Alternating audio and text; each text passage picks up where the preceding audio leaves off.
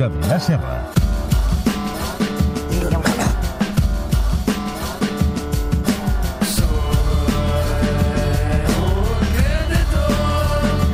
Loser, com estàs? Molt bé. Sí? No he estudiat res per estar en aquesta banqueta, jo. Sí, amb alguna cosa devies estudiar. Loserisme. Loserisme, sí, això. Això ja ho perdedor, de- perdedor, això ja ho duia de sèrie. Avui portes un nom molt estrany. Ca Carapetian, però deixa'm dir per què porto aquest nom, perquè la setmana passada vaig fer dos... Bueno, em van recriminar dues coses de la secció de la setmana Sí passada. que ens vam passar amb els... Amb les... Primer, que em vaig equivocar amb la xifra del combat del bilió, perquè vaig dir que el bilió aquest era la bossa que repartirien, i no, el bilió és tot el que generarà el combat de pay-per-view, d'apostes... Molta pasta, no s'ha vist mai, eh? I després, això m'ho has... Bon, deixem-ho que ho digui, l'Eduard López, que és un oient de Miami, si no m'equivoco. Home, ah, és escolta, el que ja m'ho va dir. hi vaig. Doncs mira, av- ah, bueno, ja t'ho diré després. Ah, sí? Avui he vist un article que posat que era la pitjor ciutat dels Estats Units on viure. Però bueno, eh, t'ho hi- passaràs molt bé de vacances, serà molt xulo. Uh, en tot cas, Eduard. després, un altre Eduard em va dir està molt malament això de treure lo pitjor de l'esport. Allò de strippers, apostes, cosa que està molt malament, que ensenyeu el cantó fos Ah, l'esport. no, l'Eduard crec que va guanyar un dels nostres concursos l'any passat. Sí, doncs mira, m'ha fotut aquí una clatellada. Però avui li dedico a la secció a l'Eduard, perquè porto un tio que és impecable. Chapó. Un paio exemplar. Un paio exemplar de veritat. A veure. És loser. Nye. O sigui, avui, s'agafa amb pinces el nom de la secció. No, perquè és un tio que, escolta, ell era nedador amb aletes. Com a maletes. Sí, naden, però es posen aletes. No és ni esport olímpic, Ah, ni té molt de glamour, ni... Bueno, vivia a la Unió Soviètica, no es va fer famós, uh, vivia allò amb quatre perres, és a dir, tot i que va ser 17 vegades campió del món i 11 vegades recordman. És a dir, Home. loser no és, però si el compares amb Mayweather, doncs no va guanyar els mateixos diners. Es diu Shabash Karapetian. Carapètia. Sí, és armeni. Armeni vivia a la Unió Soviètica, perquè en aquella època Armènia formava part de la Unió Soviètica.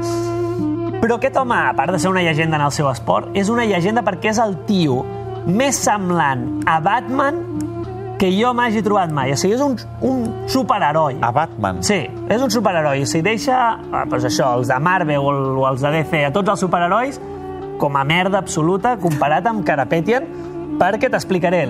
Primer, aquest home va començar a entrenar i a ser qui era també per un fet traumàtic, una mica de superheroi, allò que els hi pica una aranya, que els hi maten els pares, etc. No, ell es va fotre en una bulla de quillos allà a Armènia, amb 15 anyets, vale? Clar, bulles d'Armènia amb quillos... Perillós, no? Perillós. Primer li van fotre una tunda, però el, el punt de qualitat que Ara, tenen ara allà... hem quedat bastant malament amb la comunitat d'Armènia. Bueno, perdoneu, estem parlant d'anys 50, eh, també. Però el punt de qualitat de, després de la tunda va ser que li van lligar una pedra al coll i el van tirar en un llac. Collons. Que dius, hòstia... Això és molt de màfia, ojo, no? 5 quilos de pedra eh, i al llac dius, hòstia, no, Uf. si vas a Armènia, cuidado, diríem. A, No et deixis lligar res al sí, coll. no, no et fiquis en problemes.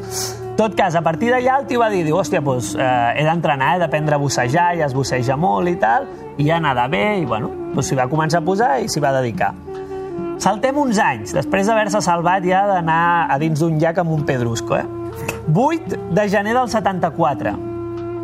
Karapetian ja era esportista de la Unió Soviètica, entrenava en un centre esportiu situat allò a 1.800 metres, les muntanyes, deixa'm-ho llegir, segur conillats, segur conillats, vés a saber, el cul del món. Segur. Que treba- estava ja entrenant al cul del món en un centre esportiu, i clar, la carretera era una, una merdeta amb corbes d'aquestes, anaven amb una carraca de la Unió Soviètica, tots allà a entrenar, i de cop i volta el conductor perd el control de l'autocar i quan el tio molt valent el que fa el conductor és saltar com un gallina i deixar ja l'autocar, dir, hòstia, aquí es queda, i quan ja l'autocar se n'anava per el barranquillo, diríem, Carapetian salta, agafa el volant i salva l'autocar d'estimbar-se pel precipici. molt bé. Hòstia, 30 col·legues diríem que contents. Diríem, Home, sí, clar, menys mal, ens ha salvat Carapetian. Això no és res. 16 de setembre del 76, només dos anys més tard, un trolebús de la seva ciutat se surt dels rails i se'n va directe cap al llac Yerevan. La gent que ens veu a la tele té la fotografia. Ah, aquí està. En aquelles dates, quan va passar això, el 16 de setembre, Carapetian havia d'estar al Mundial que se celebrava a Hamburg, d'això de nedar amb valetes, la cosa aquesta rara que feia, però per un problema de visats es va haver de quedar a, allà a Armènia. Total, que va fer el que feia cada dia, que era sortir a córrer 20 quilòmetres per allà pel costat del llac i tal. Anava el tio per allà corrent i, hòstia, es troba el trolebús. Hòstia, el trolebús aquí A dins l'aigua. a dins de l'aigua. Dius, hosti, eh, la gent dirà, home, és nedador, que es tiri i ajudi. Estem parlant d'un llac que, tot i ser el setembre, més de 5 graus Ja. no hi havia. Però és que, a més a més, aquell llac era la cloaca de la ciutat. Era on Ah. Tota la merda, tots Ah. els residus, tot el... Bueno, un fang merdós, pudent, congelat, o sigui... Ah. Allà a les 8 del matí no et ve de gust entrar allà, dins, no?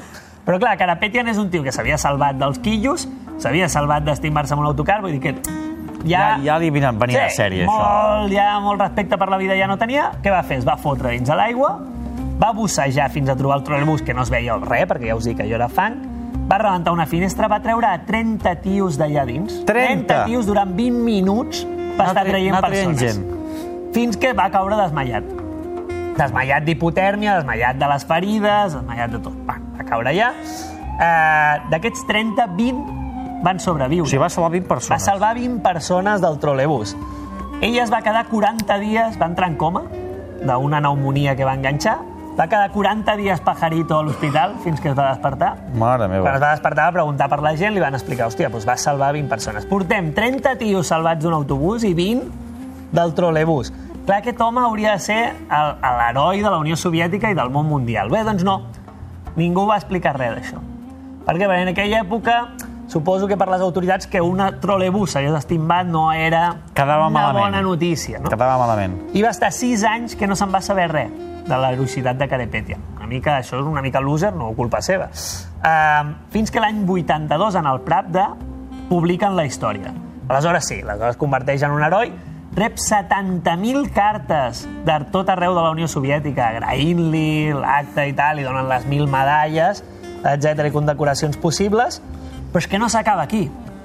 A l'any 85, que el tio ja estava retirat, ja no, ja no nedava, tenia pneumonia i està, ja havia decidit que no es tornava a posar l'aigua mai més perquè ja en tenia prou, anava el tio passejant i en un pavelló d'allà d'Armènia passa pel costat i es declara un incendi. No. Què fa Carapetian? Home, doncs què ha de fer? Bueno, vinga, com a va, bon entrem. entra dins i comença a treure penya d'entre les flames i un altre cop torna a caure per culpa del fum i de les cremades, un altre cop a l'hospital i ja, aquí va dir prou. Home, ja prou. Aquí va dir, me'n vaig a Moscú, tio, me'n vaig Que no a Armènia, me'n vaig d'Armènia, que, no, que no està gaire bé, me'n vaig a Moscú a descansar. Uh, curiositat, Carapetian uh, li van donar ja totes les medalles i tots els reconeixements que li pot donar una persona de la Terra, però fins i tot li van donar un reconeixement extraterrestre. Eh?